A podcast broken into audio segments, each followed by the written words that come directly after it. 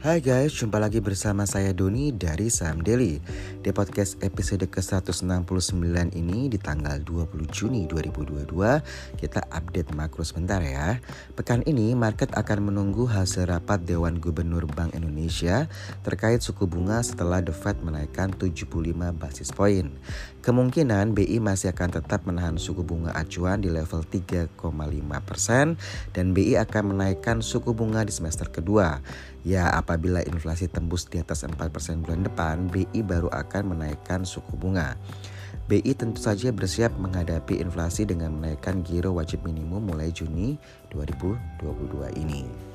Nah, kalau kita lihat ya uh, dari pasar internasional Uh, dari bursa Dow Jones sendiri uh, itu minus 0,13 persen, S&P 500 dia plus 0,21 persen, sedangkan Nasdaq sendiri dia plus 1,43 persen.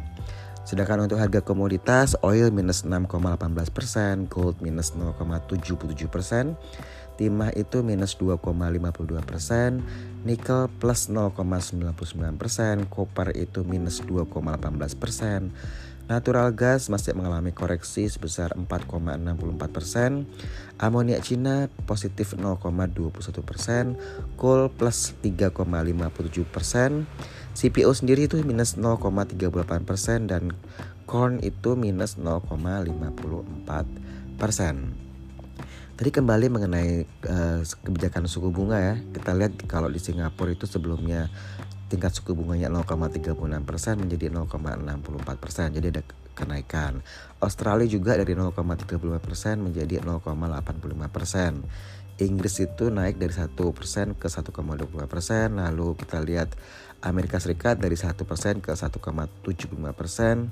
Cina dari 3% ke 3,70%. Lalu uh, Indonesia sendiri masih tetap di 3,5 Sedangkan secara kinerja ISG uh, versus bursa regional Indonesia ini masih positif ya di mana return year to date uh, masih positif 5,40% di mana ISG ditutup di 6, uh, 6.936,97 ya di Jumat yang lalu seperti itu. Jadi kalau kita lihat sih kalau dibandingin dibandingin Singapura yang masih minus 1,36 persen, lalu kita lihat Malaysia minus 7,39 persen. Ini return year to date ya.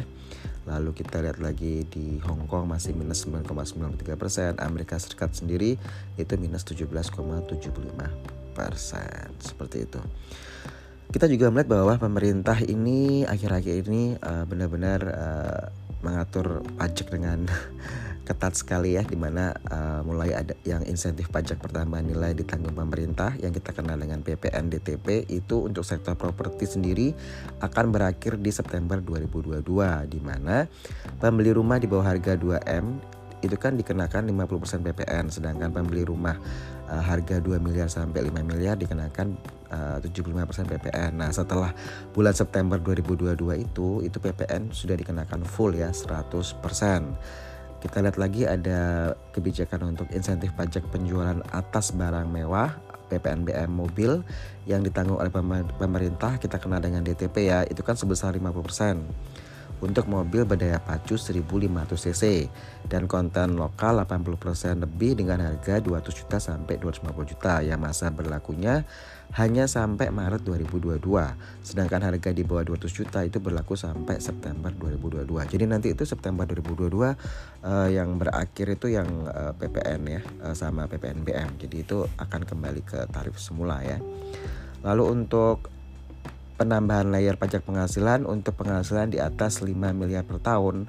Itu kena PPh 2 eh, PPh sebesar 35% mulai berlaku 2022 ini. Jadi memang untuk teman-teman yang penghasilannya setahun itu di atas 5 miliar itu eh, PPh-nya ada PPh sebesar 30% ya yang ditambahkan.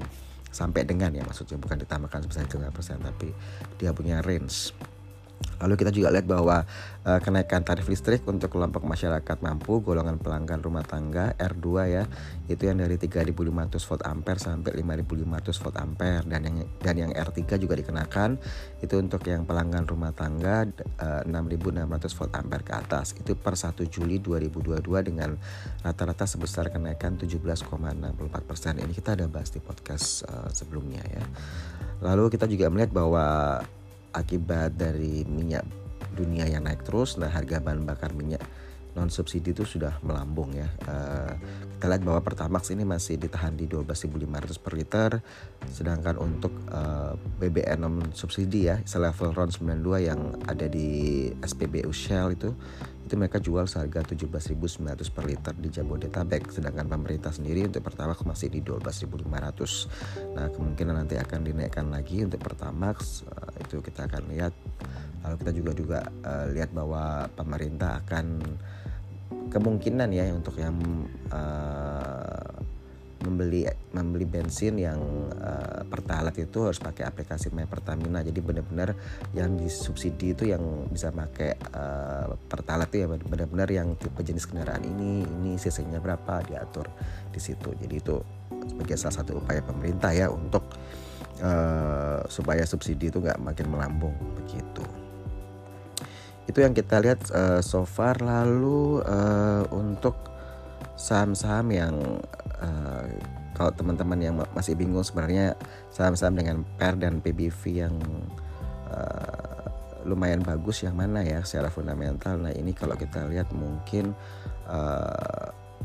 dari segi PER dan PBV doang ya. Kita lihat ada BMTR itu dengan PER 3,02 PBV-nya di 0,19 lalu MNCN itu uh, PER-nya di 5,50 sedangkan PBV-nya di 0,79 uh, lalu ada ASRI yang PER-nya itu di 5,59 uh, PBV-nya di 0,34 serta BBTN yang PER-nya di 6,19 dan PBV-nya di 0,73 Uh, nah, tapi kalau teman-teman perhatiin ya, uh, sebenarnya PER dan PBV ini nggak semata-mata untuk uh, yang oh kini pasti cuan itu enggak teman-teman mesti lihat dulu uh, bisnisnya seperti apa lebih dalam ya. Nggak cuman base oh lihat di RTA PER PBV-nya oke okay, terus lalu kalian HK-HK nah itu cuman ini ada beberapa yang kita lihat bahwa secara PER dan PBV ini uh, saham-sahamnya masih secara dua hal tadi, dua faktor tadi itu masih berada di bawah ya. Jadi yang mungkin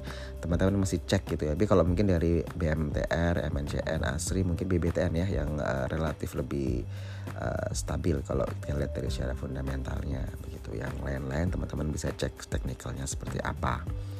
Seperti itu untuk Cina sendiri dia masih lockdown ya jadi uh, kita belum melihat uh, makanya kalau kita lihat komoditi tadi uh, kebanyakan yang minus semua ya. Jadi itu memang uh, jadi pertimbangan buat teman-teman untuk apakah mau trading di komoditi atau tidak untuk saat ini begitu. Sedangkan untuk chart-chart uh, kita lihat kemarin ya. Ini base yang kemarin ya.